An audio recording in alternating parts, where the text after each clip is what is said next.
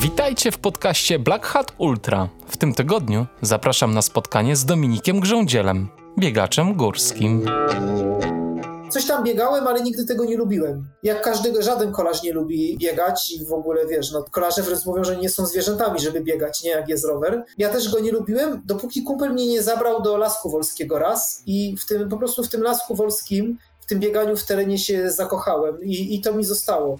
Uwielbiam biegać w terenie, uwielbiam podbiegi, uwielbiam zbiegi, kontakt z naturą, tak to szumnie się nazywa, ale tak to po prostu wygląda, więc, więc yy, zawsze to od początku było, było bieganie po górach. Plus to, że jednak predyspozycje mam dużo, dużo lepsze do, do dobrego wyniku po górach niż do dobrego biegu po, po, po asfalcie, bo już nieraz w górach pokonałem takich chłopaków, z którymi po asfalcie nie miałbym totalnie żadnych szans. To był Dominik Grządziel. Ja się nazywam Kamil Dąbkowski i witam Was serdecznie w podcaście Black Hat Ultra. Jest to podcast, w którym spotykam się z niezwykłymi osobami, które prowadzone pasją i ambicją pokonują swoje fizyczne i mentalne słabości, aby się rozwijać i realizować założone cele z uśmiechem na twarzy i w zgodzie ze sobą. Dominik jest bardzo uzdolnionym biegaczem górskim z rowerową przeszłością. Na zawodach biegowych zaczął pojawiać się w 2017 roku i od tego czasu zbudował sobie całkiem zacne portfolio. Ma za sobą wygrany złoty maraton, 90-kilometrowy ultramaraton bieszczacki czy 100-kilometrowe Gorce Ultra Trail. A na Wielkiej Prechybie, przy mega mocnej obstawie, był piąty. ITRA daje mu 798 punktów. Jest mocnym biegaczem i prowadzi normalne życie męża i ojca dwóch dziewczynek. Z zawodu jest fizykiem jądrowym i ostatnie miesiące pracował przy zderzaczu hadronów w ośrodku CERN.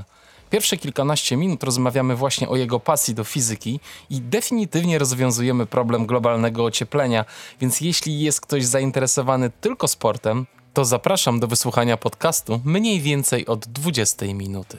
Posłuchajcie. Jeszcze zanim zaczniemy, chciałem bardzo podziękować wszystkim patronom, którzy wspierają podcast Black Hat Ultra. Ostatnio lista patronów jeszcze bardziej się powiększyła, więc jest to dla mnie niesamowicie budujące i bardzo jestem Wam wdzięczny za wsparcie. Dziękuję serdecznie. Zapraszam na podcast.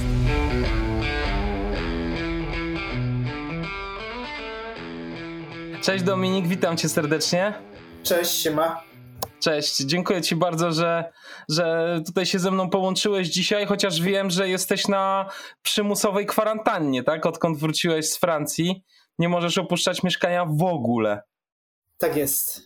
I przez dwa tygodnie, czyli jeszcze tydzień, musimy siedzieć całą rodzinką w domu. I jak to wygląda, powiedz, y, teraz wasze życie? Y, co wam, co wam grozi, jakbyście wyszli na dwór? Jakieś horrendalne kary do 30 tysięcy złotych nałożone przez Sanepid. Yy, no i to chyba, nie? No ale wiadomo, że nie wychodzimy ze względu na to, żeby tam nie wprowadzać yy, dodatkowego zagrożenia do społeczeństwa, chociaż od razu muszę powiedzieć, my przyjechaliśmy niby z Francji, która jest przedstawiana w polskich mediach jako kraj, gdzie w ogóle trupy leżą na ulicy i jest tyle zachorowań, a, a nie ma tak oczywiście, natomiast Natomiast sytuacja jakaś taka bardzo kryzysowa jest zapewne w dużych miastach jak Paryż, Nica czy Marsylia, a my we Francji byliśmy w małym miasteczku na takim, mówiąc brzydko, zadupiu, więc, więc w zasadzie my tam, myślę, byliśmy mniej narażeni na y, zarażenie koronawirusem niż, niż mieszkając w dużej aglomeracji jak Kraków no jedyne ryzyko y, no to podczas zakupów, no i w zasadzie podczas podróży, kiedy mogliśmy się zarazić. Natomiast jesteśmy już na kwarantannie. Dzisiaj kończymy ósmy dzień i nie mamy żadnych objawów, także myślę, że żadnego badziewia ze sobą nie przywieźliśmy. Fajnie, mam nadzieję, że rzeczywiście poza aglomeracjami chyba generalnie ludzie są e, e, bardziej bezpieczni, prawda? Zdecydowanie, zdecydowanie. E, słuchaj, tak e, patrzyłem, patrzyłem właśnie na twoją strawę, ty pomimo tego, że byłeś we Francji i tam pracowałeś, bo w Cernie, prawda? Byłeś... E, tak. I, I tam pracowałeś, to tam całkiem niezłą ilość kilometrów natłukłeś i biegając i na rowerze. Także miałeś tam chyba fajne warunki do, tre do treningu. Jak to wyglądało? Tak, tak. Generalnie bardzo, bardzo lubię to miejsce. To jest super miejsce też, żeby spędzać zimę, z tego względu, że jest tam bardzo czyste powietrze. Także, a ja mieszkając pod Krakowem, no niestety, yy, tak zresztą jak w większości zapewne polskich miast, musimy się borykać z tym niesamowitym syfem w postaci smogu. Także w zasadzie bieganie czasami yy, trochę mija się z celem. Trzeba dobrze, dobrze gryźć powietrze. Yy, natomiast we Francji było, było super powietrze, bardzo fajne warunki, yy, fajne. Tam też jest dość łagodna zima. To jest też taki plus, że w zasadzie tam rzadko kiedy pada śnieg, a jak pada, to spadnie go parę centymetrów i za jeden dzień, czasem nawet spadnie rano, po południu już go nie ma, więc są fajne warunki do biegania. No a ja y, niestety pracowałem tam cały dzień od 8.30 do 17.30, także wszelkie treningi biegowe robiłem rano przed pracą tak żeby o 7, tam 10-15 być już w domu. A plus to, co dokładałem, to dokładałem rower do pracy. Miałem akurat y, około 5 kilometrów z, z domu do, do pracy i pokonywałem tą trasę 4 razy dziennie. Rano do pracy, w trakcie przerwy na obiad, z powrotem do pracy po obiedzie i, i do domu, także mi wychodziło około 21 kilometrów w tygodniu też, y, dziennie w, tygo, y, w trakcie dnia pracującego na rowerze, więc to się fajnie wszystko złożyło. Wydaje mi się, że ten rower był takim bardzo fajnym bodźcem y, regeneracyjnym. Nawet jeżeli po jakimś mocnym treningu biegowym rano nogi się trochę nie, nie bardzo chciały kręcić, to jednak y, stopniowo, stopniowo działało to myślę, myślę Impuls właśnie jako regeneracja dodatkowa. Nie, no fajnie, to, fajnie to połączyłeś. A jakieś ćwiczenia w domu też robiłeś, czy Chodziłem sobie na, na siłownię, mam bardzo fajnego fizjoterapeutę, zapewne wam zwanego, znanego Kamila Klicha, Kamil mnie najpierw wyciągnął z kontuzji, której się nabawiłem yy, pasma biodrowo-piszczelowego we wrześniu ubiegłego roku, no i później mi rozpisuje też treningi na, na siłowni. Nigdy na siłowni nie trenowałem, nie, nie lubiłem tego, także no wiedziałem, że bez treningu siłowego w końcu to, to pierdyknie wszystko, to bieganie, zwłaszcza, że w zeszłym roku pod koniec sezonu robiłem dość duże, yy, duże objętościowo treningi, chcąc przygotowywać się do, do ultra. No i pierdykło, tak jak się spodziewałem, także Kamil rozpisał mi fajne treningi na siłowni, dwa razy w tygodniu chodziłem na siłownię w Cernie. No i o tyle te treningi były interesujące, ćwiczenia były ciekawe, że, że też się jakoś bardzo nie nudziłem, więc mimo, że nie przepadam za taką formą aktywności, to jednak jakoś tam się udawało to, to połączyć. No właśnie, ty jesteś e, mega ciekawym facetem, bo strasznie dużo fajnych rzeczy w życiu robiłeś. I e, wiesz, na przykład mój ojciec też był fizykiem jądrowym, także mam ogromny sentyment do tego, co robisz. Też, też był w Cernie, wiesz, pracował chyba 30 lat w Świerku. E, także, także tutaj no, temat jest mi bliski. Jesteś też e, weganinem, co też jest, jest, jest moją dietą. Nie wiem, czy ty jesteś stuprocentowym weganinem? Od... Nie, e, nie, ja y, zdarza mi się zjeść niewegańskie słodycze, bądź też czasami jak, jak zostaną, nie wiem, jakiś serek wiejski po, po moich dziewczynach, który ma się tam, mają wyrzucić, no to też tego nie marnuję, tylko dojadam takie rzeczy, więc na co dzień oczywiście nie jem ani nabiału, ani, ani jaj, ale no, nie czytam też tak dokładnie etykiet. Jeżeli tam są jakieś śladowe ilości mleka czy, czy jaj, to też y, no tak po prostu byłem takim stricte weganinem stuprocentowym przez ponad pół roku. No i nie wytrzymałem. Ten, po prostu ten reżim jednak dla mnie jest, no mam problem z tym, że bardzo lubię słodycze, jem ich y, za dużo i ciężko mi było w, w tej takiej stuprocentowej diecie wegańskiej wytrwać, więc jakby własny taki model sobie stworzyłem, że, że właśnie mm, no, nie jem nabiału, nie jem jaj, nie jem oczywiście mięsa, yy, ale no nie jestem takim, prawda, yy, bardzo, bardzo yy, rygorystycznie do tego podchodzącym osobą. No to widzisz, to ja, to ja mam bardzo podobnie, bo yy, bo też yy, chyba właściwie nigdy nie byłem jakiś zafiksowany totalnie, wiesz, na, na 100% tej diety. Zwłaszcza, że ja nie wiem jak ty, ale ja nie jestem takim etycznym weganinem, tylko bardziej e, robię to dla zdrowia i też mam słabość do słodyczy. Ja jestem weganinem y, ze względu na, na przekonania, także y, no, bo, a, a z drugiej strony wydaje mi się, że mm, dieta różnorodna, czy dieta też oparta o mięso też może być wartościowa, bo jak trenowałem kolarstwo, jadłem bardzo dużo mięsa, miałem bardzo dobre wyniki sportowe, wyniki miałem bardzo dobre, jeśli chodzi o parametry zdrowia, więc no szczerze tutaj powiem, nie, nie będę jak 95% wegan i nie powiem, że po przejściu na dietę wegańską, po odrzuceniu mięsa po prostu wszystkie moje parametry się poprawiły i stałem się lepszym sportowcem, no bo tak po prostu nie było. Tak jak mówię, na każdej diecie, jeżeli dieta jest zbilansowana, to każda dieta może być wartościowa, ale to działa też w drugą stronę. Dieta wegańska, dobrze zbilansowana. Oczywiście tutaj ten bilans to nie znaczy, że mamy przeczytać kilka książek na temat diety i w ogóle chodzić na jakieś kursy związane z dietetyką, ale dobrze zbilansowana dieta, także wegańska, także jest dobra dla sportowców, dla kobiet w ciąży, dla, dla dzieci. Moje dzieci nie jedzą, nie jedzą mięsa, są w zasadzie też na diecie wegańskiej, rozwijają się zdrowo i, i wszystko jest super pod tym względem. Także rozsądek i, i właśnie podejście do tego takie. Dokładnie. Wszystko, wszystko jest dla ludzi. Grunt, żeby to e, robić z głową, prawda? Fajnie, fajnie do tego podchodzisz. Powiedz mi, bo chciałem troszeczkę mm, o tej fizyce porozmawiać z tobą. E, czy to była twoja zajawka od zawsze? Od podstawówki? Szczerze mówiąc, bardziej matematyka, yy, czyli ogólnie przedmioty ścisłe, yy, ale polubiłem bardzo fizykę w szkole średniej. Y, dostałem się bez egzaminu na, y, na fizykę techniczną na Akademię Górniczo-Hutniczą. No i tak po prostu zostało.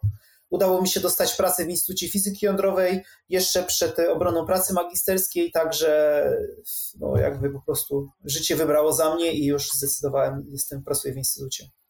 A ty masz swoją jakąś specjalizację w, w tym szerokim dziale, jakim jest fizyka jądrowa? Tak, w naszym laboratorium ekspertyz radiometrycznych zajmujemy się głównie naturalną promieniotwórczością yy, i w zasadzie, no także sztuczną, ale, ale w zasadzie sztuczna, naturalna promieniotwórczość, spektrometria promieniowania gamma, spektrometria promieniowania alfa. Dużo zajmujemy się takim gazem promieniotwórczym, który nazywa się yy, radon. Podejrzewam, że o nim nie słyszałeś, chociaż może przez tatę słyszałeś. On jest taki dość istotny z punktu widzenia właśnie ochrony radiologicznej, z punktu widzenia narażenia na występowanie nowotworów płuc i tak dalej, więc to są ogólnie takie, takie dziedziny, którymi, którymi się zajmujemy, którymi ja się głównie zajmuję. Posłuchaj, a co w takim razie do CERN-u y, ciebie przywiodło? CERN to tam... zupełnie inna bajka. W CERNie y, zajmowałem się testa, wysokoenergetycznymi testami magnesów nadprzewodzących. Obecnie, obecnie y, y, zderzacz nie pracuje, jest przerwa techniczna, która ma potrwać, no miała potrwać chyba do marca następnego roku, ale ze względu na koronawirusa na pewno się to przedłuży. No i w tym czasie właśnie testujemy wszystkie magnesy, wymieniamy wadliwe magnesy. My, to znaczy wszyscy pracownicy CERN-u, wszystkich pracowników CERN-u jest około 18 tysięcy ludzi z całego świata. Yy, a moja grupa właśnie yy, zajmowała się testami, yy, testami magnesów, także nowych magnesów, tych, które są, jakieś dodatkowe elementy tam były domontowywane do tych magnesów, no i to wszystko trzeba sprawdzić po, po kilka, kilkanaście razy, zanim, zanim maszyna będzie mogła znowu być uruchomiona. Mhm. Nie jest to niebezpieczna praca? Jeśli chodzi o promieniowanie tam na miejscu? Jeśli chodzi o promieniowanie, y, występuje jakieś promieniowanie y, pod ziemią, promieniowanie y, tak zwane hamowania, nie hamowania, tylko promieniowanie no, mm, spowodowane tym, że cząstki poruszają się po, po zakrzywionym, po zakrzywionym torze tak zwane promieniowanie synchrotronowe i to promieniowanie w jakichś tam śladowych ilościach jest ale CERN jest świetnie zorganizowaną, zorganizowaną jednostką y, i też jest oczywiście odpowiednia grupa, y, tak zwana grupa Radiological Protection Group, która zajmuje się właśnie badaniem tego, jak pracownicy CERN-u są narażeni i czy są narażeni na, jakie, na, jakie, na jakieś właśnie y, promieniowanie. Y, są montowane detektory, które, które właśnie sprawdzają cały czas, jaki jest poziom promieniowania. Są miejsca w tunelu, gdzie pracowaliśmy, gdzie nie mogliśmy wejść, bo było właśnie y, promieniowanie zbyt duże, także jest to oczywiście na bieżąco badane. Każdy pracownik CERN-u, który zejdzie w dół do, do tunelu, żeby pracować, musi mieć własny dozymetr, także to, jaką moc dawki promieniowania y, dostanie dana osoba, jest cały czas monitorowane. Cały czas to można odczytywać, jeżeli taka osoba dostanie zbyt dużą dawkę, co w przypadku CERN-u raz chyba było, miało miejsce od tam, prawda, kilkudziesięciu lat. No, taka osoba jest oczywiście odsuwana od, od pracy, która może spowodować dalsze, dalsze narażenie na promieniowanie, więc to jest, tam jest, wszystko jest kontrolowane, nie ma możliwości, w zasadzie chyba, no nie ma chyba możliwości, żeby ktoś się napromieniował tego Mhm, Okej, okay, spoko. A powiedz mi, wykorzystam, wykorzystam to, że mam e, ciebie i zapytam się, jaki masz stosunek w ogóle do tematu globalnego ocieplenia i a bardziej, a najbardziej mnie interesuje temat związany oczywiście z pozyskiwaniem energii i czy uważasz, czy, byłby, czy byłbyś w stanie przekonać ludzi, że elektrownie jądrowe mają szansę zastąpić węgiel? No, tak się dzieje. We Francji, o ile się nie mylę, to może jest informacja do sprawdzenia, ale wydaje mi się, że 70% pozyskiwanej energii jest właśnie pozyskiwana z elektrowni jądrowych. Także jak najbardziej, no to jest, y, ja tutaj, prawda, no, y, byłbym, wydaje mi się, niekompetentnym y, fizykiem na niewłaściwym miejscu, gdybym, gdybym uważał, że, że energetyka jądrowa jest czymś złym. Obecnie budowane elektrownie jądrowe mają kilka systemów zabezpieczenia Y, w zasadzie są systemy zabezpieczenia, które zabezpieczają przed niekontrolowanym y, wydostaniem się materiałów radioaktywnych w wyniku nawet y, upadku samolotu na, na elektrownię, więc można, można naprawdę mi uwierzyć na słowo. Jak nie, to można to sprawdzić. Zapewne taka wiedza jest dostępna w internecie bez problemu, że obecnie elektrownie jądrowe są naprawdę bezpieczne. Oczywiście historia mówi co innego. Fukushima, Czarnobyl, no ale to były przypadki wyjątkowe. W Czarnobylu wszyscy wiedzą, jak było, wszyscy oglądali serial. Fukushima, no to był po prostu pech. No, no to było tsunami, no i to były po prostu generatory diesla, które nie zostały, nie, nie, nie, nie no, no to był błąd konstrukcyjny elektrowni, bo generatory nie zostały uruchomione, bo zostały zalane wodą, więc no, obecnie takich błędów się już, to też była, w Fukushimie też była stara, prawda, elektrownia, obecnie elektrownie nowego typu są już, są już dużo, dużo bezpieczniejsze. I odpowiadając na Twoje pierwsze pytanie, tak, uważam, że grozi nam globalne ocieplenie i myślę, że świat za 30 lat y, będzie wyglądał inaczej. Boję się, że będzie bardzo, bardzo, bardzo nieciekawie. E, w, w którą stronę to pójdzie? Wysuszanie, tak?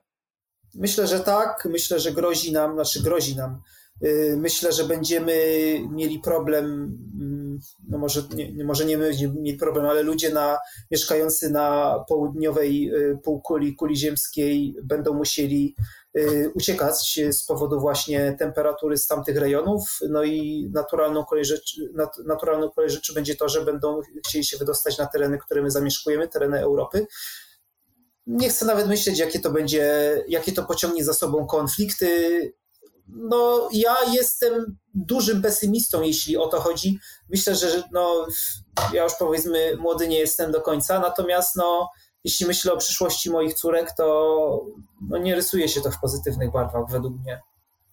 Mam podobnie, Także... chociaż mam wrażenie, że, że mam troszkę więcej czasu niż 30 lat, ale też uważam, że to się dobrze dla nas nie skończy na Ziemi.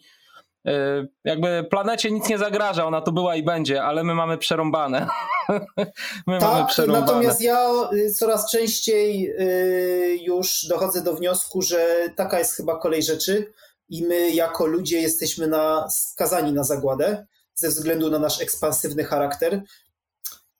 Tylko, że tak do końca nawet nie wiem, czy to jest źle, po prostu taka chyba nasza jest natura, że, że szliśmy z drzewa i chcieliśmy więcej, więcej, więcej i to może sprowadzić po prostu na nas zagładę i taka po prostu będzie kolej rzeczy, że ludzki gatunek wyginie. Na szczęście, na szczęście nie jesteśmy na tyle potężni, mimo że niektórym, zwłaszcza, nie wiem, włodarzom niektórych państw dużych, czy też nie do końca dużych, może się wydawać, że jesteśmy super potężni jako ludzie. Na szczęście nie jesteśmy na tyle potężni, żeby zagrozić tej planecie, także ona się spokojnie odrodzi i, i może kiedyś za kilka, nie wiem, kilkaset tysięcy czy milionów lat powstanie nowe życie, nowy gatunek ludzki, y, który znowu pójdzie tą samą drogą i, i, i skończy pewnie tak samo.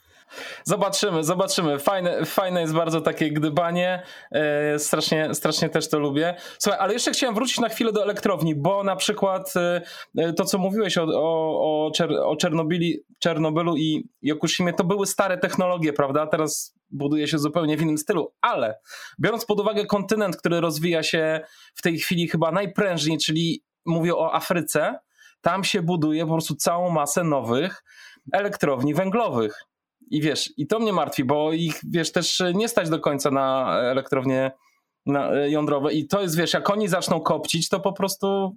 Ale co my możemy zrobić? Słuchaj, y, ja też nie będę tutaj y, hipokrytą i nie będę ci mówił, że w ogóle cały y, przemysł i postęp jest zły, bo też chcę pojeździć na fajnym rowerze z włókna węglowego, który jest szczytem, wiesz, technologicznym i gdyby nie yy, po prostu czerpanie z tej planety, nie wykorzystywanie jej na maksa, to taki postęp nie byłby możliwy. No ja też mam smartfona, ty masz smartfona, gadamy przez po prostu nowoczesne komputery i ci ludzie w, yy, w Afryce, czy ludzie, nie wiem, w Azji też chcą mieć do tego dostęp i jak najbardziej tych ludzi rozumiem. No kurczę, no nie może być tak, że my możemy mieć wszystko, a, a, a innym będziemy tego zabraniali, no nie, więc no, nie możemy być Absolutnie niesprawiedliwi tak. względem nich, więc no, no ja na szczęście, na szczęście jestem za mały, żeby decydować o takich rzeczach. Na pewno są to konfliktowe sprawy i, i, i odbije się to wszystkim czkawką, no ale no this is life, no nic nie zrobimy z tym. Mamy przerąbane.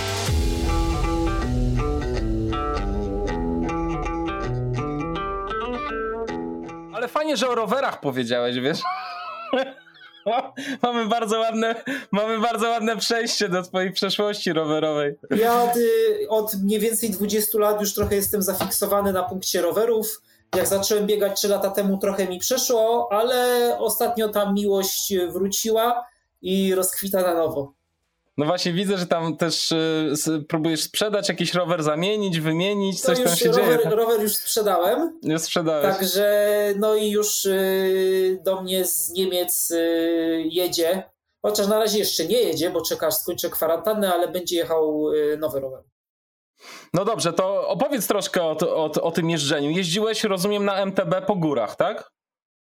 Tak, jeździłem wyczynowo, uprawiałem kolarstwo górskie, startowałem w maratonach rowerowych, czyli maratony rowerowe to bardzo podobne wyścigi jak y, maratony nasze biegowe, y, też o długości trasy powiedzmy od 20 do, do 100 czy więcej kilometrów, też rozgrywane na jakiejś konkretnej pętli bądź na dwóch powiedzmy pętlach, jeżeli to był dystans giga, czyli, czyli dystans dłuższy. Y, tak naprawdę bardzo, bardzo podobny sport do biegania po górach, z tym, że, z tym, że na rowerach. No ale na pewno bieganie po górach jest sporo ciekawsze, bo sporo fajniejsze trasy są dostępne dla biegaczy niż były oczywiście dostępne dla, dla rowerzystów, no bo to jest oczywiste. A powiedz, bo ja ostatnio rozmawiałem z Maćkiem Dąbrowskim w ogóle, wyście się gdzieś tam minęli na ścieżkach nie, rowerowych? Nie, nie, nie, nie, tutaj nie będę, y, też nie będę kłamał i nie będę mówił, no, że tam jeździliśmy razem z Maćkiem, bo to nie wiem, czy czy y, ludzie o tym wiedzą, a jak nie wiedzą, to powinni się dowiedzieć, że Maciek to był reprezentant Polski. Maciek tak. to był, ja byłem stuprocentowym amatorem, wyczynowym oczywiście, tak jak teraz, ale amatorem, a Maciek to był prost, to był zawodowy kolarz, który jeździł na zgrupowania Polski, to był gość, który jeździł na treningi, y, na zawody z Mają Włoszczowską, więc to jest, no to jest to jest inny, inny level. Zresztą pamiętam, dwa lata temu chyba biegliśmy w Szczawnicy y, Wielką Prechybę Mistrzostwa Polski. Biegliśmy taką grupką, gdzie właśnie tam biegłem y, Marcin Świerc, ja, kto tam jeszcze biegł?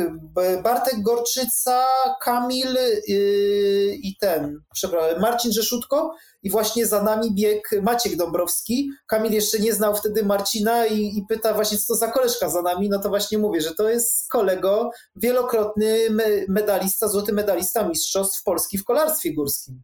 Potem teraz chłopaki oczywiście już się znają, biegają razem, startują razem w zawodach, ale, ale tak, no to był jak najbardziej zawodowy biegacz i widzę, że powoli, jeszcze ostatnia rzecz, powoli wydaje mi się, że to ta forma, którą wypracował, forma jakaś taka reżim treningowy, reżim związany z dietą, umiejętność odpowiedniego prowadzenia się, u Maćka teraz y, powoli się przechodzi właśnie w, te, w to bieganie. Myślę, że w przyszłości może sporo namieszać w, w naszym biegowym świadku. No tak, mi się też tak wydaje, że chłopak y, Maciek będzie super, super mocny. Zresztą w ogóle wszystkich was obserwuje się z dużą, z dużą przyjemnością. E, według y, rankingu Rate My Trail, słuchaj, ty też jesteś na dziesiątym miejscu w kraju. Przepraszam? Nie, no ósmy mężczyzna, no. Jesteś ósmym mężczyzną. Także no to jest, wiesz, super, super wyniki. Powiedz, y, twój pierwszy bieg wypatrzyłem, że był w 2016 roku? To był półmaraton? Nie. Jak jeszcze jeździłem na rowerze, to było chyba w 2014 albo 2015 roku, startowałem tak dla przysłowiowych jaj w y, Grand Prix Krakowa w biegach górskich. Y, I to był w zasadzie mój pierwszy, tak, to, to był mój, a ja wiem o co ci chodzi, chyba o ten 16 rok.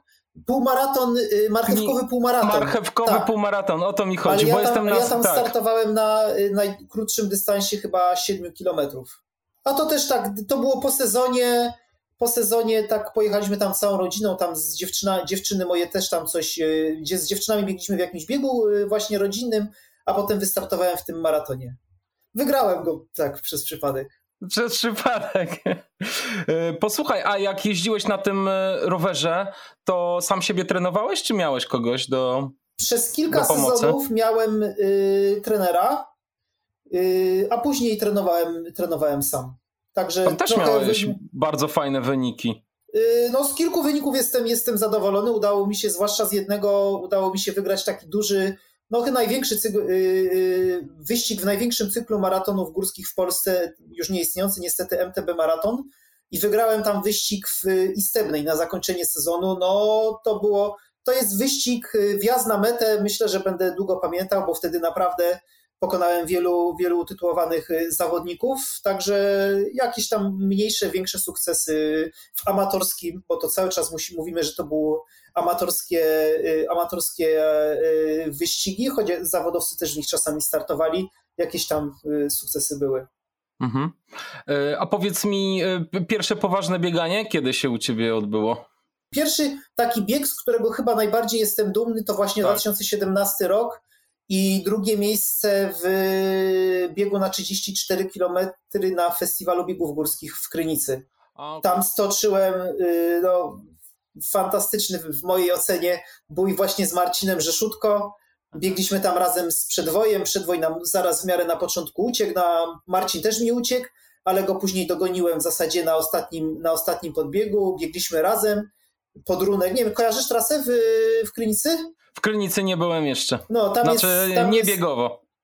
Tam jest właśnie taki podbieg na runek i z tego runku jest już 7, 7 km do mety, no i właśnie tam uciekałem Marcinowi Także prawie skręciłem kostkę, przypłaciłem to olbrzymią, masakrycznymi skurczami, ale, ale udało mi się tam właśnie z nim wygrać, także to, to jest... Wow, super. Chyba ja myślę, tak z perspektywy czasu dużo wygrałem biegów, mniejszych, yy, chyba mniejszych, bo większego jakiś to, to, to co mi przypominam, ale to jest chyba mój największy, największy sukces, taki sportowy, bo wiem, że byli utytułowani zawodnicy, wiem ile mnie to kosztowało trudu, żeby właśnie tam tak pobiec, więc myślę, myślę że ta krynica no fajnie, ale też Grand Prix Krakowa w biegach górskich masz pierwsze miejsce w 2018. Z tym Grand Prix Krakowa w biegach górskich też się wiąże y, y, y, fajna dla mnie, przyjemna przygoda, bo tam też mi się udało raz w życiu pokonać Krzyśka Bodurkę. Także myślę, że niewielu zawodników w Polsce może powiedzieć, że pokonało na jakimś wyścigu Krzyśka Bodurkę, który teraz jest w niesamowitym gazie i mocno mu kibicuje.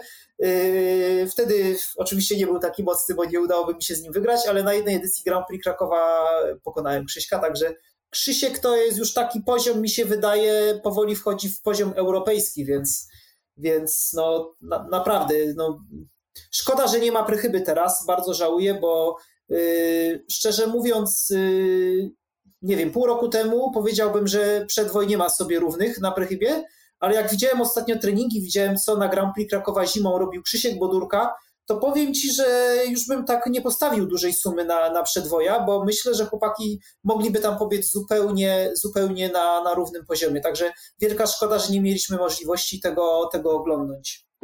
No szkoda, to prawda. Teraz się wszystko troszeczkę przesunęło przesunęło na, na jesień. Zobaczymy, jak to no, dalej ja będzie myślę, ten sezon wyglądał. Myślę, że się przesunęło dużo dalej niż na jesień, bo ja nie wierzę, że będą jakieś biegi masowo organizowane w Polsce w tym roku. No ale no, nic na to nie poradzimy. No nic nie poradzimy. Powiedz mi, bo mm, zakładam, że ty jesteś, masz ścisły umysł, matematyka, fizyka. Czy również z takim, e, z takim metodycznym podejściem podchodzisz do swojego treningu, czy też tak e, próbujesz, y, bardzo jesteś wymagający w stosunku do planu, który sobie stworzysz. O, i czy tworzysz sobie sam plan, czy teraz masz trenera? Yy, miałem trenera. Yy, w ubiegłym, przez pół ubiegłego sezonu pracowałem z Andrzejem Witkiem. Bardzo sobie ceniłem tą współpracę. Yy, Andrzej jest super profesjonalistą, ma świetną wiedzę, podchodzi z pasją do tego, także jeżeli ktoś szuka, szuka trenera, to jak najbardziej mogę polecić Andrzej. Nie wiem, czy on ma teraz czas, bo jest już popularny, ma dużo ludzi.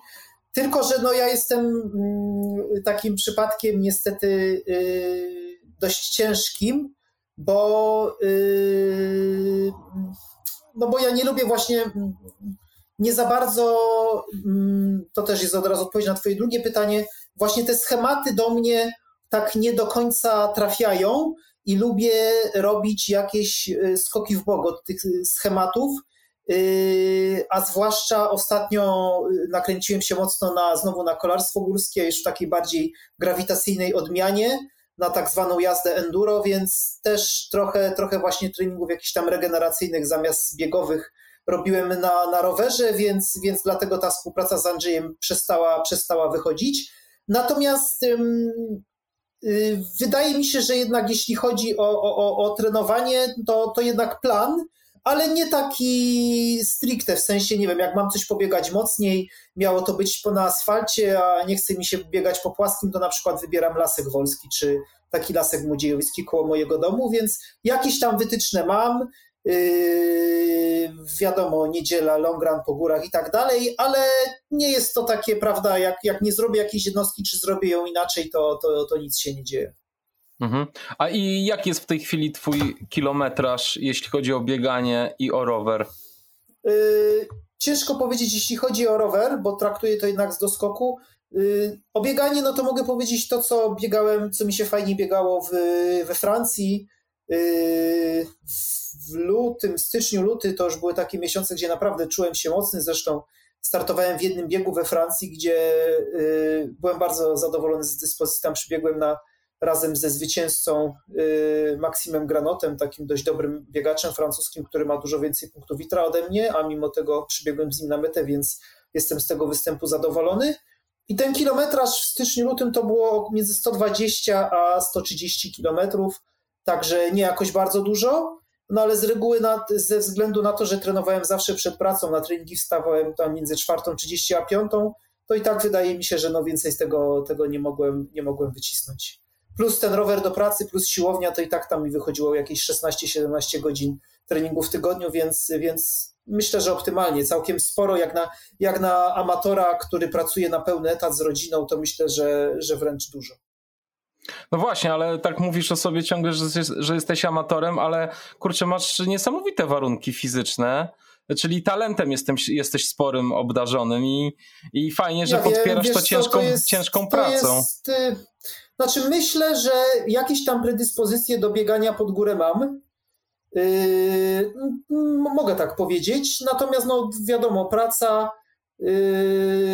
trening, no, no tak, tak. Yy, I czy jestem amatorem? Jestem stuprocentowym amatorem. Wiesz, to jest, dla mnie piłka jest prosta. Jeżeli ja nie musiałbym po treningu iść do pracy, tylko położyłbym się z nogami do góry i bym sobie poleżał, potem bym sobie coś zjadł, potem bym poszedł na drugi trening, to wtedy bym ci powiedział, tak, stary, jestem zawodowcem. Ale jak ja wstaję na treningi o 4.30, żeby zdążyć po prostu na 7.10, kiedy y, tam o 8 muszę wychodzić do pracy, no to o jakim my tu zawodowstwie mówimy? Jestem stuprocentowym amatorem, ale jestem tak, tak zwanym tak, amatorem wyczynowym, czyli po prostu do uprawianego sportu podchodzę w sposób wyczynowy, czyli chcę, startuję w zawodach i chcę cały czas podnosić swój poziom sportowy, ale nie jest to moja praca, jest to tylko, tylko hobby, pasja. Jasne.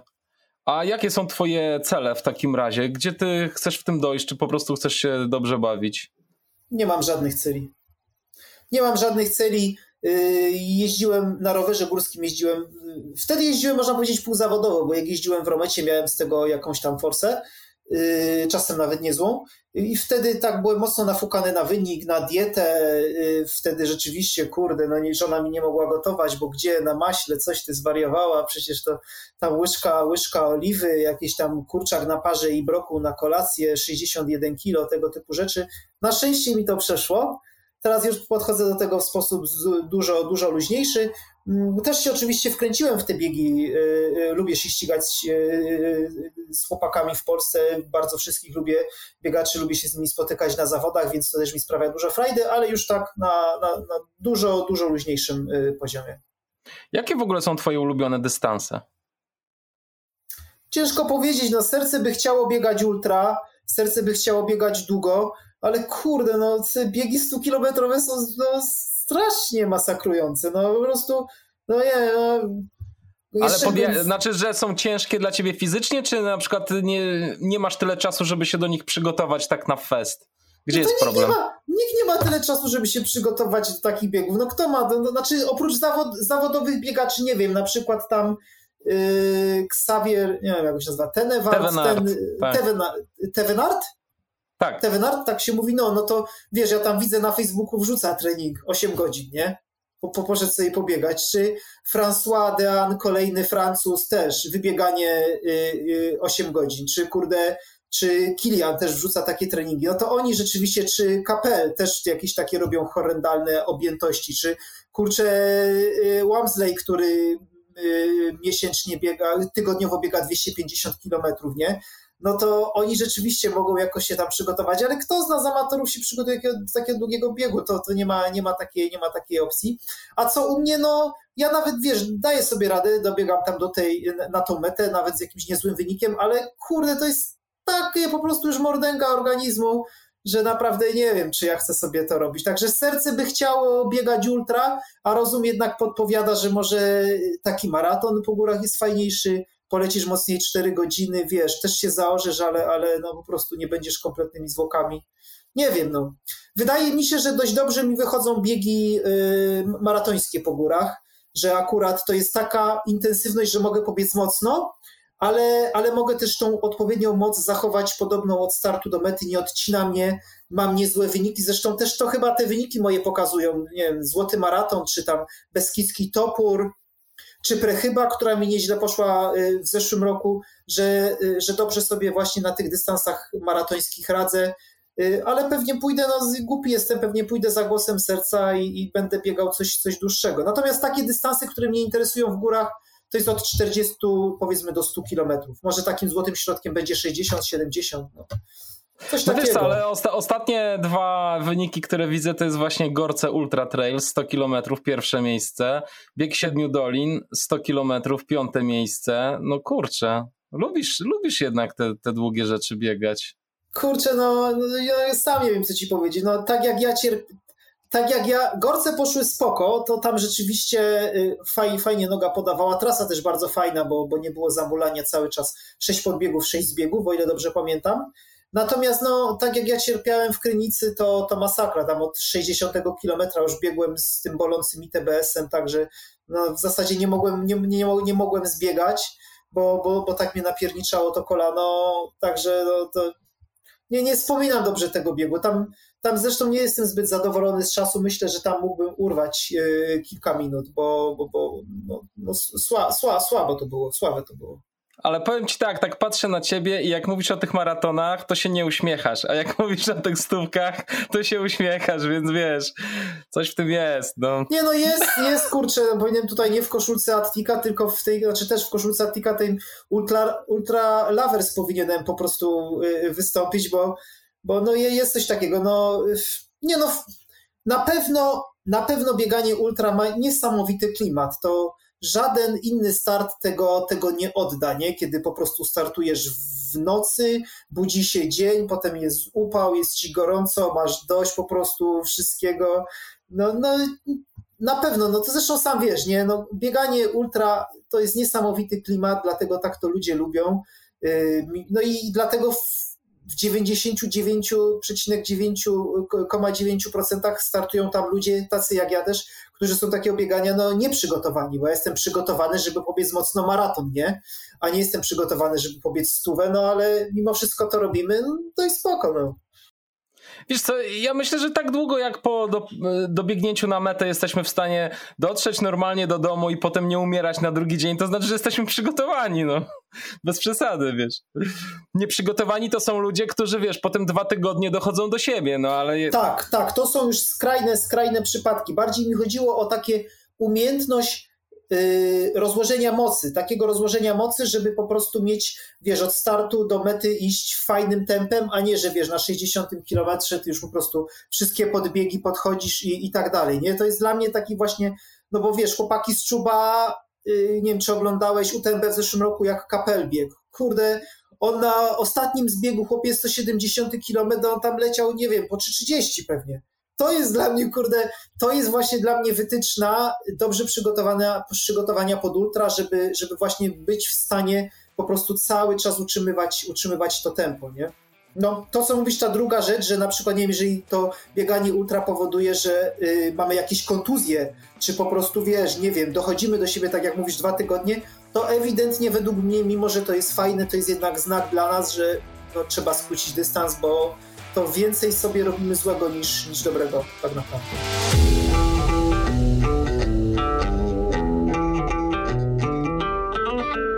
Powiedziałeś o kontuzjach. Miałeś jakieś poważniejsze kontuzje? Tylko to pasmo. Tylko to pasmo, które miałem we wrześniu. Złożyło się na to y, brak, myślę, że głównie brak treningu siłowego, zbyt duże, zbyt duże obciążenie treningowe y, w, w przeciągu dwóch, trzech miesięcy właśnie przed, przed tym biegiem w, w Krynicy, no i efekt był jaki był. A twoja regeneracja jak wygląda? Nie, nie mam jakichś rzeczy, nie wiem, no zaniedbuję też to, być może, nie wiem, no nie piję gainerów po, po treningu, nie, nie nakładam skarpetek y, kompresyjnych, nie wiem, jakie są jeszcze pomysły na regenerację. Jakieś no wiesz tam co, białko, no, coś, coś, nie, nie, wiem, wiem, no rozciąganko, jakieś e, rolowanie, A, tak, to też czasem... rzeczy, tak, tak, tak, yy, staram się yy, dwa razy w tygodniu rolować. Dwa razy w tygodniu rolować, kiedyś robiłem to częściej, ale, ale Kamil Klich mi powiedział, że to nie ma sensu za bardzo. Dwa razy w tygodniu wystarczy. Oczywiście jakieś tam rozciąganie po każdym treningu krótkie to, to jest standard, a z takich innych rzeczy to, no to, to, to, to tyle tylko. Nie ma za bardzo czasu, wiesz, na, na regenerację, bo ja wracam z treningu, szybko się kąpię i, i wiesz, i zasuwam do pracy, nie? Takie są realia. A propos, e, bo tak powiedziałem, że e, rozciąganie i rolowanie to są elementy regeneracji, ale ostatnio rozmawiałem z Karolem Szapelem, fizjoterapeutą e, w podcaście i on powiedział, że, że to nie jest regeneracja, w sensie nadal twoje mięśnie pracują i robiąc te czynności i że to jest po prostu, można to robić, żeby się lepiej poczuć, jak ktoś to lubi robić i pomaga mu na samopoczucie, ale regeneracją to nie jest, regeneracją jest leżenie przed telewizorem po prostu i nie robienie niczego. Dlatego, dlatego wiesz, czemu y, biegacze zawodowi, jak i każdy inny sportowiec zawodowy, osiąga dużo lepsze wyniki niż biegacz amatorski, bo tutaj jeśli chodzi o bieganie, to powiedzmy, że no nie mówię o bieganiu ultra, ale, ale y, za dużo więcej, nie wiem, tacy maratończycy nie biegają więcej przecież niż amatorzy, prawda?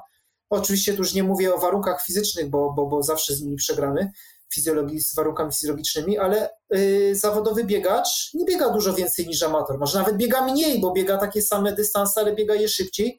Ale tu jest klucz właśnie, to jest regeneracja, no bo wiesz, robi jednak różnicę to, co już powiedziałem wcześniej, że jak po treningu się położysz, to co, o, o czym wspomniałeś i dasz nogi do góry i, i się prześpisz, a, albo po prostu pójdziesz do, do pracy, nie? No to tego się nie przeskoczy, tego się nie przeskoczy, to ktoś się może oszukiwać, i, i, i mu się, wiesz, może wydawać, że jak ja trenuję 17 godzin w tygodniu, to ja jestem zawodowcem, ale trening to nie wszystko. Właśnie ta regeneracja, czyli możliwość tego, żeby po prostu pójść w kimono po treningu, to jest niezastąpione. No nic, co by ludzie, wiesz, można, ludzie pisali doktoraty, habilitacje, by, by robili na temat regeneracji w sportach wytrzymałościowych. Podejrzewam, że nic nie działa lepiej niż sen po prostu. Prawda. I też u każdego trochę inne, inne bodźce działają. No, e, na Wiesz, pewno. na przykład, nie wiem, czy biegłeś kiedyś z Darkiem Markiem, jakiś, on biega krótsze rzeczy, tak, tak do 30 tak, kilometrów. W 2017 no roku właśnie się z Darkiem, jak jeszcze ja, ja, ja się ścigałem na krótszych dystansach, dużo biegałem z Darkiem i wydaje mi się, że, nie wiem, tu nie chcę skłamać, ale chyba y, piłeczka jest po mojej stronie, bo chyba ja dwa razy pobiłem Darka, a Darek ze mną wygrał raz na, yy, na Babiej Górze, a tak, także chyba jest wynik 1-0 dla mnie, także jakbyś Darek chciał spróbować jakichś męskich dystansów, to zapraszał. O, słuchaj, no to takie wyzwania, wyzwania nawzajem to ja, nie, nie, to ja bardzo, rozumiem. Bardzo lubię, bardzo lubię Darka, jest gość mocno zakręcony, bardzo sympatyczny, także mam nadzieję, że uda się jeszcze coś, coś razem po, pobiegać no w zawodach. I tak, bo ja mówiłem, y, odnosiłem się trochę do długości snu. Darek potrafi naprawdę niewiele spać. On ma, tak. on ma swoje wewnętrzne tak. metody na tak. regenerowanie się, różne takie patenty tak, swoje. Tak. Darek prowadzi bardzo, bardzo higieniczny tryb życia, śpi bardzo mało i, i mu to wystarcza, więc to, to też jest jakiś taki kłam temu, co się ogólnie mówi, że minimum 7-8 godzin dziennie należy na sen przeznaczyć, bo Darek śpi pewnie ze dwa razy mniej. Także tak, tak, tak, to jest, to jest ciekawe na pewno podejście. A powiedz w ogóle, jakie masz, jaki masz stosunek do rywalizacji? Jak, jak ty się czujesz, stając na starcie ze swoimi kolegami, z którymi wiesz, że za chwilę będziesz jednak walczył o, o to najlepsze miejsce na podium? Jak ty do tego podchodzisz? Cały czas yy, jakby yy, traktuję ich jako jakichś tam biegowych przyjaciół, bo przynajmniej tych ludzi, z którymi się znam, bo bo to nie, nie jest to słodzenie, ale naprawdę środowisko biegaczy górskich to jest świetne środowisko. Wszyscy ludzie są naprawdę tak, yy, tak sympatyczni, tak fajni, że, że no naprawdę no środowisko kolarzy mogłoby się, mogłoby się uczyć od, od, od biegaczy górskich, więc yy, z dużą dozą właśnie jakoś tam przyjaźni myślę, że sobie jakoś tam na trasie na pewno byśmy pomogli. Zresztą nie wiem, Maciek Dąbrowski, który mnie na na, y, nie na ostatnim, ale dwa lata temu na Zuku, tym skróconym, wyciągnął z jakiejś zaspy, y, w którą no, nie byłem w stanie, wpadłem po prostu po pierś, nie byłem w stanie wyjść. Myślę, że gdyby Maciek nie wyciągnął, to do tej pory bym tam siedział w tej dziurze. Więc wiesz, to najlepiej to pokazuje po prostu, jacy ludzie są, ale to oczywiście nie ma no wiesz, to, że mnie Maciek wyciągnął, to, to, to nie, nie wiesz, nie, nie obligowało mnie do tego, że potem go y, nie porobiłem nie na podbiegu, nie? No tak. bo to nie o to chodzi, więc Maciek też pewnie by tego ode mnie nie oczekiwał, więc y, przyjaźń, ale też y, zdrowa rywalizacja, zdrowa rywalizacja sportowa. No wiesz co, no pewnie bym skłamał, skłamał, gdybym powiedział, że biegam tylko dla siebie i mnie rywalizacja nie interesuje, bo no jak, jak najbardziej, no ta, ta, ta adrenalina, a zwłaszcza no, co jest tym najfajniejsze w bieganiu, w startowaniu w zawodach, mi się wydaje, że to jest przynajmniej dla mnie to jest satysfakcja z dobrze, y, z dobrego, nawet nie z wyniku, ale z dobrze pobiegniętego y, biegu, bo ja nawet nie muszę nie wiem, wygrać, być w czubie, ale jak wiem, że, że dałem z siebie wszystko dużo, że dobrze pobiegłem, to, to ta, ta satysfakcja jest fajna i dla tej, ja myślę, że chyba dla tej satysfakcji najbardziej, e, najbardziej lubię właśnie startować, startować w zawodach. Mhm. E, a jak bardzo jesteś w stanie się zmotywować w trakcie biegu do jeszcze większego wysiłku, żeby zająć lepsze, lepszą pozycję? Jak to, jak to u ciebie działa? Czy czy ty idziesz, idziesz w trupa na maksa, żeby, żeby właśnie być jak najlepszym, czy też y, y, prowadzisz taki rodzaj może wewnętrznej rozmowy, sprawdzasz kto jest gdzie i czy to obie się opłaca docisnąć, czy nie opłaca? Nie, ja. Yy, Jak ty myślisz o nie, tym? Nie kalkuluję w trakcie biegu, szczerze mówiąc. Nie kalkuluję w trakcie biegu. Yy, i chyba jestem w stanie pobiec mocno, jestem w stanie, stanie przycisnąć. Natomiast szczerze mówiąc, to nie miałem teraz też takiego biegu, żebym y, musiał to robić tak naprawdę, o ile sobie dobrze przypominam. Jedyny taki bieg y, to jest właśnie ten bieg, o którym wspomniałem, kiedy się ścigałem z Marcinem Rzeszutko, y, kiedy go właśnie urwałem na szczycie podbiegu. Natomiast nie nie szedłem też tam wtedy w trupa, a bardziej chyba Marcin po prostu osła był, więc, więc jestem w stanie pójść mocno, ale, ale czy tak byłbym się w stanie zmusić do takiego wysiłku, żeby, żeby nie wiem, zwymiotować na mecie, to, to chyba nie, to chyba nie. Natomiast na pewno nie, na pewno nie, y, nic nie liczę, nie kalkuluję, kto jest mocny, kto jest słaby, kto szybko zbiega, kto szybko podbiega. W to, w to się nie bawię. Nie chcę ci się czasu na to tracić. Nie, nie, nie, nie, nie chcę mi się na to tracić czasu za, za, i przed biegiem, i w trakcie biegu. No po prostu cały czas jakby patrzę na swoje samopoczucie, patrzę na to, czy właśnie czy zwalniam, czy przyspieszam, jak w ogóle, jak w ogóle wiesz, się czuję. No a w przypadku biegu w ultra to w ogóle to, o czym mówisz, to traci, traci sens. To w ogóle nie ma, nie ma, nie ma znaczenia. Wydaje mi się, w biegu, który wiesz, trwa 10 godzin, no to, to co ty możesz zrobić? Co, polecisz w trupa od startu? No to na 40 kilometrze, na 40 kilometrze, wiesz, yy, jesteś wyautowany. A, a powiedzmy sobie szczerze, po 9-10 godzinach biegu, to też nie masz już pary, wiesz, żeby po prostu zacisnąć zęby i, i ten. Wtedy to już bardziej zaciskasz zęby, żeby w ogóle zmusić organizm do takiego mniej więcej podobnego wysiłku, do którego, wiesz, yy, był przyzwyczajony do tej pory. Ale czy można wtedy mówić o jakichś finiszach? Ciężko powiedzieć. No ja mało biegałem takich krótkich biegów, żeby, żeby coś tam na ten temat więcej, więcej powiedzieć. I z reguły te biegi zawsze się tak układały, że ja już mniej więcej w połowie, w trzech czwartych wiedziałem, na jakiej jestem pozycji, wiedziałem, jak to się skończy i nie musiałem ani przyspieszać, ani nikogo gonić, ani nie musiałem przed nikim uciekać.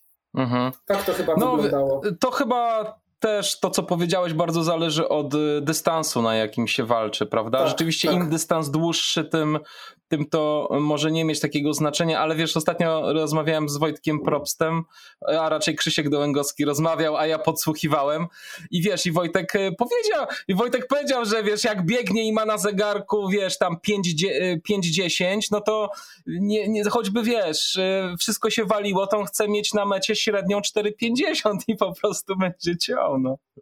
Tak, ale y, to jest Wojtek wiesz, Woj, to jest no. Wojtek, no. który sobie robi takie eventy, nazwijmy to na przykład, a przebiegnę sobie 300 kilometrów w tygodniu, wszystko po górach. Albo, a pobiegnę sobie w kwietniu 1000 kilometrów, nie? Także wiesz, Wojtek jest super gość, ja też go super lubię, ale Wojtek to jest gość z innej planety. To tutaj wiesz, to ja bym.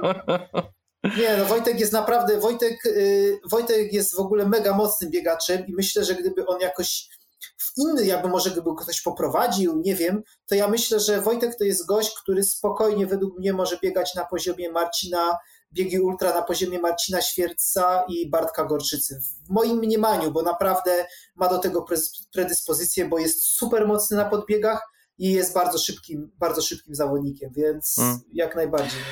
No właśnie, wiesz, ja wspomniałem o nim, bo i też wspomniałem o Darku Marku, dlatego że jakby to podejście do biegaczy, biegaczy ultra, do treningu, do wysiłku jest tak różne w zależności od tego, e, kto biegnie, że to jest tak zróżnicowane, to jest tak zindywidualizowane to podejście u każdego z was, że e, strasznie fajnie, powiem ci, obserwuje się to i, i, i słucha tych rzeczy, że wszyscy gdzieś tam osiągacie podobne wyniki, ale każdy z was ma troszkę inną drogę do tego i to jest fajne. No.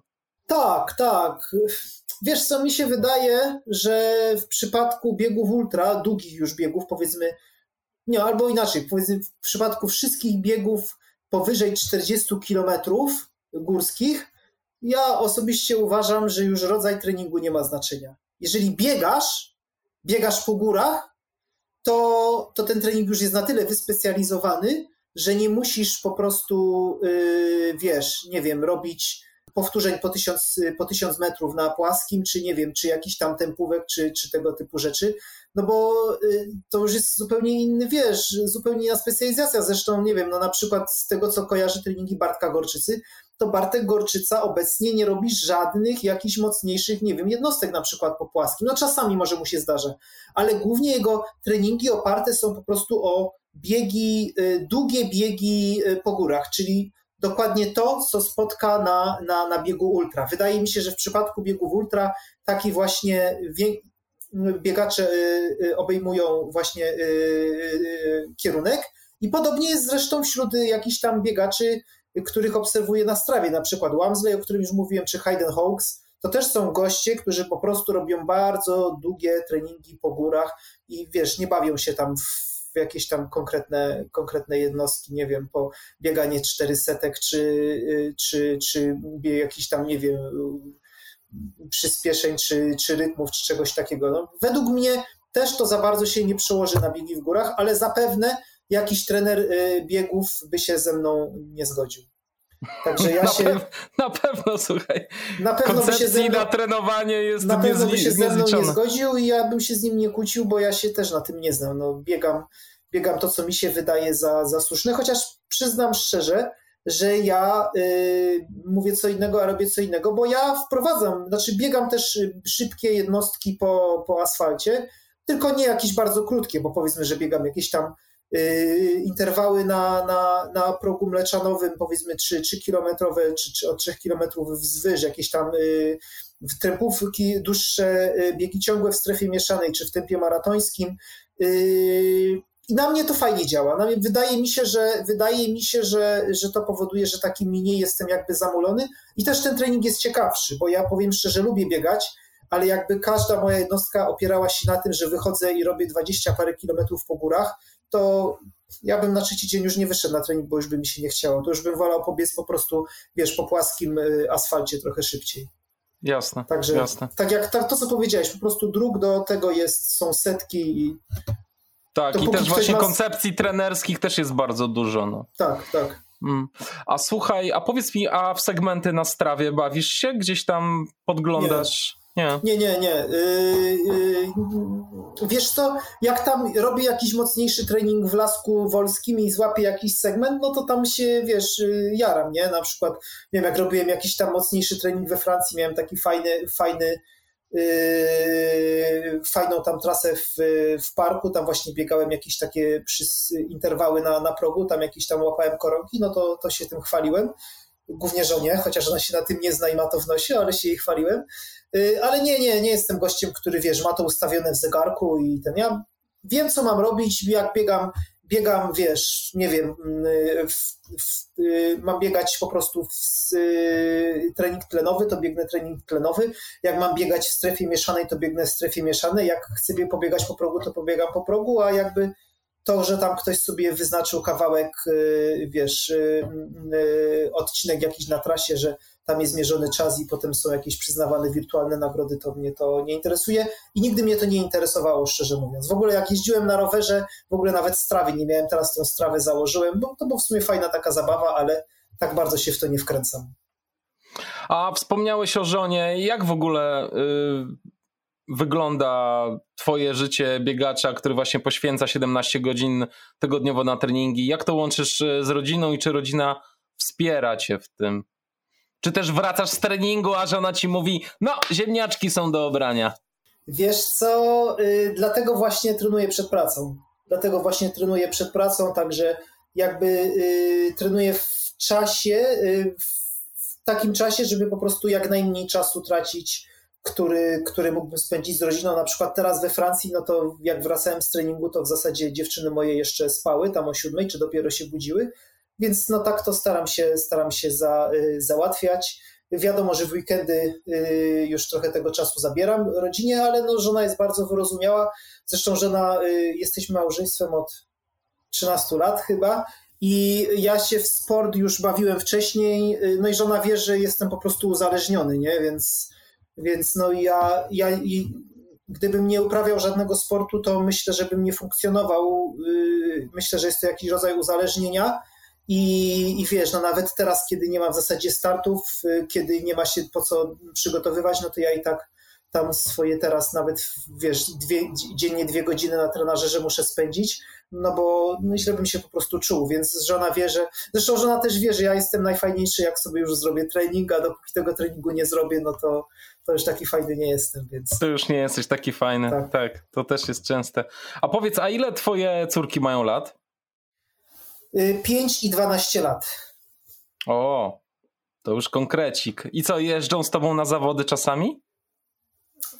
Rzadko. Jeżeli na przykład jest jakaś fajna, wiesz, miejscowa typu Cisna, nie, i jedziemy sobie na bieg rzeźnika na, na 4 dni, to jasne, pojedziemy tam, ale tak, żeby jechać na jeden dzień i one by tam, nie wiem, chodziły po jakimś miasteczku, a potem by czekały, nie wiem, na dekoracje na, na boisku piłkarskim 3 godziny, to powiem ci szczerze, że ja to przerabiałem, jak jeździłem na rowerze, to jest słaba atrakcja dla rodzin, naprawdę. Podziwiam te wszystkie żony, trochę im też y, i trochę też im współczuję, że muszą za tymi mężami jeździć na każde zawody i i tam po prostu ich jakoś, y, y, jakoś tam, nie wiem, kibicować, dopieszczać, bo supportować, bo według mnie to to jest słaba, słaba atrakcja. Czasami, tak jak mówię, jak są fajne miejscówki, to tak, ale tak, żeby jeździć regularnie, to, to raczej nie.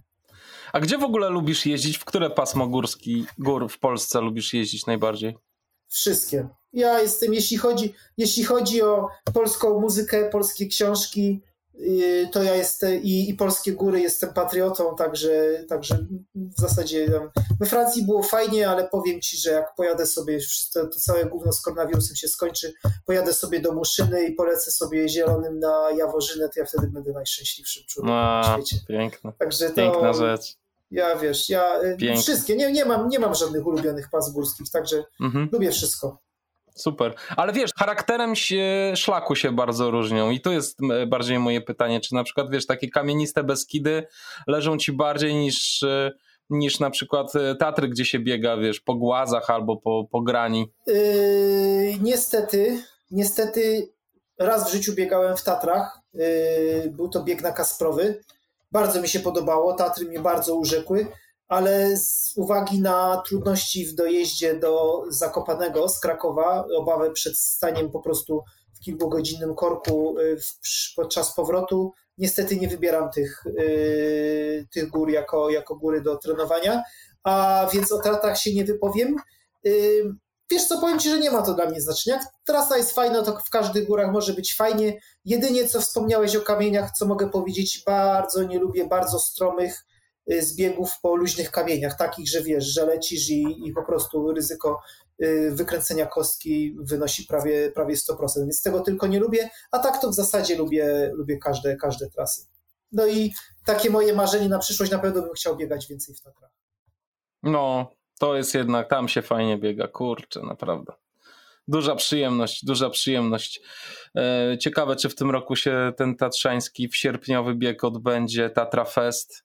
Wszyscy jeszcze na to liczą, ale, ale zobaczymy. Ja, ja nie liczę. Ja jestem. Ty już wiem, ty ja... już mówiłeś, nie, że ty już skreśliłeś wiesz, w tym wiesz, roku sezon. Wiesz, wydaje mi się po prostu, że patrząc na sytuację taka, jaka jest, jak, jakie decyzje są podejmowane przez wszystkie rządy, ja nie wierzę, że. Yy, ja w ogóle uważam, że że, y, że będziemy mogli wystartować w jakichś biegach górskich, czy wziąć udział w jakichś imprezach, tak zwanych imprezach masowych, dopiero jak po prostu wynaleź, wynaleź, wynajdą, opatentują i rozprowadzą na cały świat szczepionkę przeciwko COVID-19, wtedy nam pozwolą jakby się spotykać w większych, takich bardzo dużych grupach. A do tej pory uważam, że, że to będzie niemożliwe. Tak, tak mi się wydaje, chciałbym się oczywiście mylić, bardzo bym chciał, bardzo bym chciał pojechać do, yy, do Cisnej na bieg rzeźnika. Oczywiście się on nie odbędzie w czerwcu.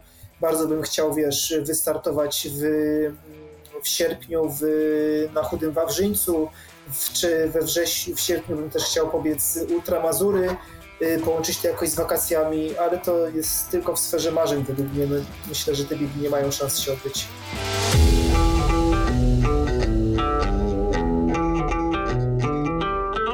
powiedz mi, bo chciałem chwilę porozmawiać z tobą y, jako z weganinem, który biega. Jak ty się przygotowujesz y, jedzeniowo do biegów? Co jesz na biegach i co jesz przed, w trakcie i po? Jak to u ciebie wygląda? Y, jeśli chodzi o taki o biegi przygotować tak zwany carbo loading, no to jeżeli jest to bieg ultra, to u mnie on już się zaczyna powiedzmy tydzień przed biegiem składa się on z, z, z, tego, że po prostu na każdy, jeden z, każdy z trzech głównych posiłków, czyli śniadanie, obiad i kolację, to jest u mnie składa się z węglowodanów, czyli na śniadanie są to płatki owsiane, na obiad i, i kolację to jest albo różnego rodzaju kasza, albo ryż, albo makaron, no do tego jakieś białko, czyli jakieś strączki plus, plus warzywa.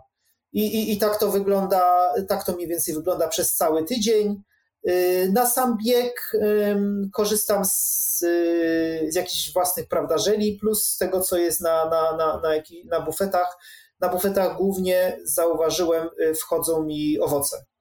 Kiedyś, jak biegałem, w zeszłym roku biegłem, nie, dwa lata temu to już jest, biegłem z chłopakami 7 do ring drużynowo, tam stwierdziłem, że a, dobrym pomysłem będzie bułka z serem żółtym, to był mój pierwszy długi bieg, także nie wiem, kurczę, spodziewałem się, że tam, nie wiem, obiad zjem na trasie i powiem ci, że zjedzenie tej bułki to był duży, duży błąd, bo ja ją zjadłem w rytrze, a czułem ją do piwnicznej, więc y, owoce. Owoce, y, surowe, banany, pomarańcze, arbuzy, których nienawidzę, ale, ale na biegach jem, y, jakieś, jakieś, prawda, orzechy, owo, y, jakieś rodzynki, tego typu rzeczy, jakieś paluszki, te, tego, tego typu rzeczy. Także w zasadzie wszystko to, co jest, y, co jest dostępne na biegach, oczywiście oprócz jakiegoś tam syfu typu jakiś kabanos, mięso czy, czy coś takiego.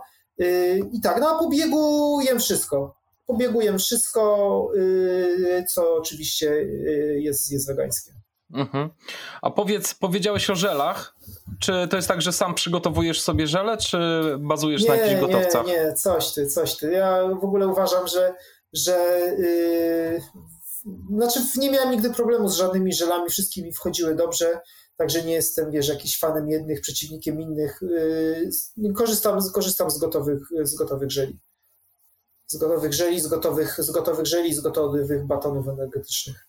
A z jakiej marki korzystasz, jeśli chodzi o żele? Yy, no, jak na przykład, nie wiem, biegaliśmy teraz ale w Attiku to, to mieliśmy żele ale, bardzo dobre, bardzo fajne, taka fajna konsystencja. Ale jak y, powiem Ci szczerze, że jak nie wiem, nie będę miał, szukam teraz jakiegoś y, osoby, która, która by jakąś współpracę chciała, jeśli chodzi o żele ze mną nawiązać, czy, czy może ogólnie z Attikiem, ale jeśli na przykład ostatnio we Francji biegałem, kupiłem sobie najtańsze żele w Decathlonie na, tym, na ten bieg, w którym startowałem, to też spoko. Także nie, nie, nie mam żadnej ulubionej firmy. Jeśli byś zapytał mnie, jakie żele kupię, to bym ci odpowiedział pewnie, że najtańsze na Allegro.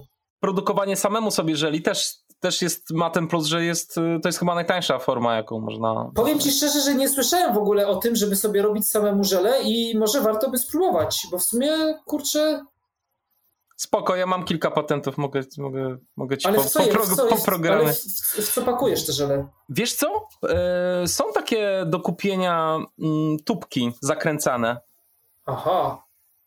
Spoko. I robisz, robisz swój żel, swoją konsystencję i ją tam strzykawką w, Cześć, wprowadzasz. Wprowadzasz okay. do środka okay, i zakręcasz i to działa, działa fajnie. I jest wielokrotnego użytku.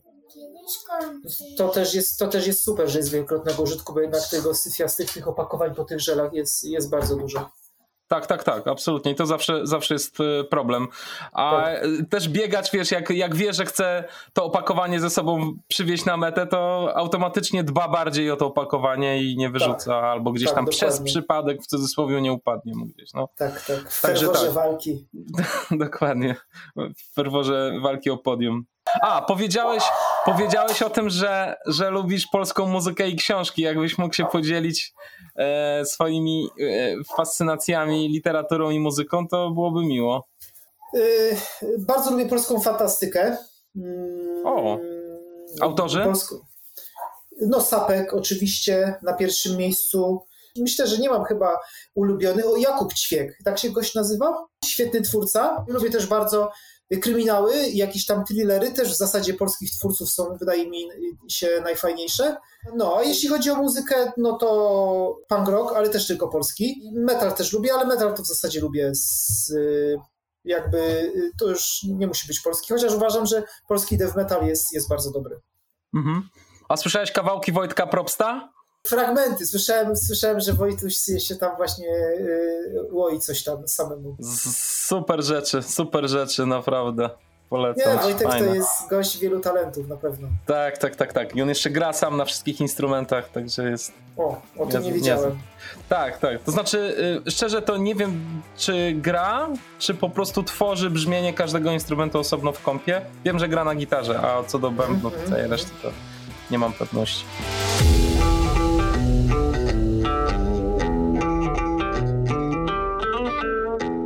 Co, no z tymi planami na ten sezon to, to, nici, jak mówisz, nie, nie wiesz, że ja się coś wydarzy? Ja mam plany na ten sezon, ja mam plany o. na ten sezon.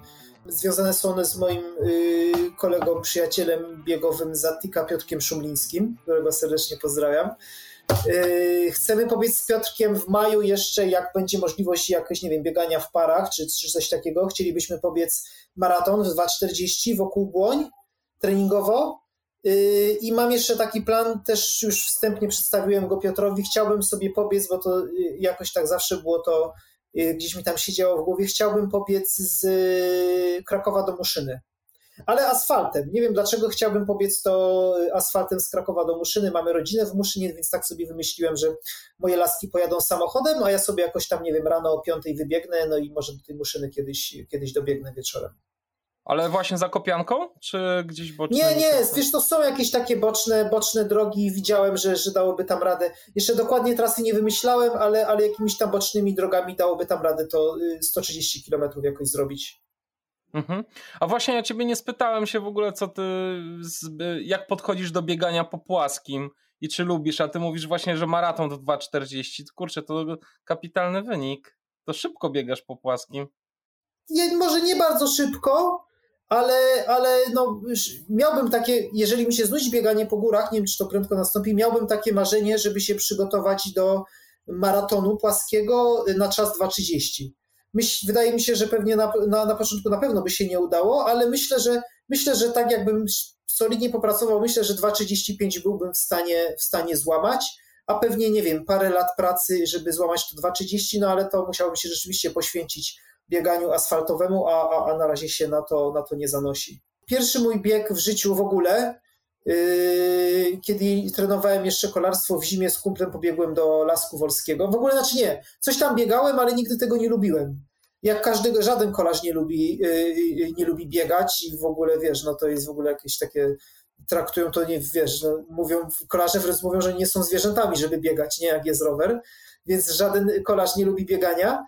Ja też go nie lubiłem, dopóki kumpel mnie nie zabrał do Lasku Wolskiego raz i w tym, po prostu w tym Lasku Wolskim, w tym bieganiu w terenie się zakochałem i, i to mi zostało. Uwielbiam biegać w terenie, uwielbiam podbiegi, uwielbiam zbiegi, kontakt z naturą, tak to szumnie się nazywa, ale tak to po prostu wygląda, więc więc y, zawsze to od początku było, było bieganie po górach, plus to, że jednak predyspozycje mam dużo, dużo lepsze do, do dobrego wyniku po górach niż do dobrego biegu po, po, po asfalcie, bo już nieraz w górach pokonałem takich chłopaków, z którymi po asfalcie nie miałbym totalnie żadnych szans.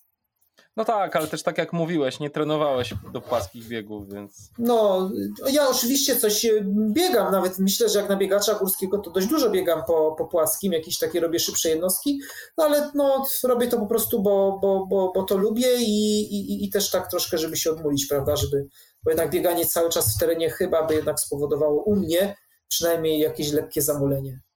No fajnie. Dominik, dziękuję Ci bardzo za rozmowę. Słyszę, że tam córki Cię już wołają i pytają się, kiedy kończysz. Nie, nie, pytają się, no, zwłaszcza młodsza córka, kiedy kolacja, bo jedzenie to jest. Po tatusiu to marzy, to jest jej ulubiony temat. A ty gotujesz trochę? Wolę się zdać na żonę, bo żony wychodzi to dużo, dużo lepiej, ale wiesz, czasami jakiś obiad zrobię, nie ma z tym problemu. No nic, Dominik, dziękuję Ci serdecznie za rozmowę. Również Fajnie było Cię poznać.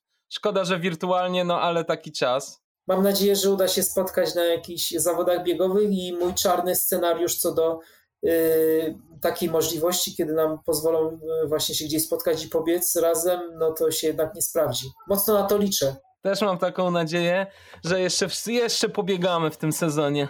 Dzięki Ci bardzo za Pobiegać spotkanie. pobiegamy, ale czy pobiegamy razem na zawodach, to już... Razem, mam, mam na myśli, że razem. Super. Pozdrawiam dzięki, Cię, dzięki serdecznie. Dzięki również. Trzymaj się. Cześć, hej. Cześć, hej, hej. Cześć.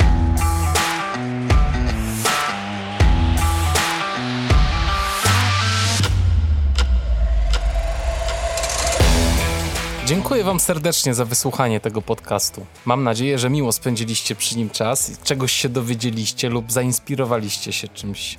Zapraszam Was też do wysłuchania pozostałych 45 odcinków Ultra Historii. Jeśli podoba Wam się to, co robię, wspierajcie podcast w mediach społecznościowych i umieszczajcie informacje o nim w relacjach, postach i na tablicach. Niech wieść się niesie i słuchaczy przybywa. Im więcej słuchaczy, tym większa szansa, że podcast będzie długo cieszył Wasze uszy. Możecie również wesprzeć ten podcast finansowo na patronite.pl łamane na Black Hat Ultra.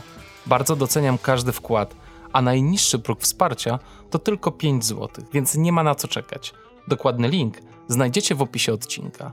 W tej chwili podcast na Patronite wspiera już 49 osób, ale chciałbym wymienić tutaj nazwiska tych, których wkład jest największy. Są to Przemysław Barnowski, Krzysztof Bednarz, Agnieszka Dudek, Michał Janiak, Marcin Jaźwiecki, Andrzej Gąsiorowski, Bieta Chryń-Morawska, Jakub Korczyk, Paweł Kaczmarek, Przemysław Kozłowski, Marek Maj, Kamil Sowiński, Marcin Stefaniak, Edyta Winnicka i Michał Wójci. Zapraszam również do zakupów świetnych butów firmy Altra. Wpisując kod promocyjny Black Hat jest szansa na sporą zniżkę.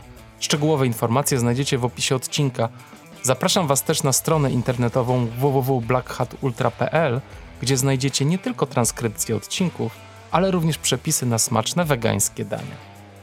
Niezmiennie zapraszam wszystkich do wystąpienia w moim drugim podcaście o nazwie Black Hat Team. Jego formuła wygląda w ten sposób, że sami nagrywacie swoje historie, a nagrany materiał wysyłacie do mnie i ja go publikuję w formie podcastu. Zapraszam do kontaktu mailowego na adres ultra małpa blackhatultra.pl.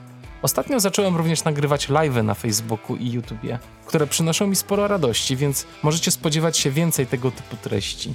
Jeśli słuchacie podcastu i macie konto na Facebooku, to zachęcam do polubienia profilu Black Hat Ultra.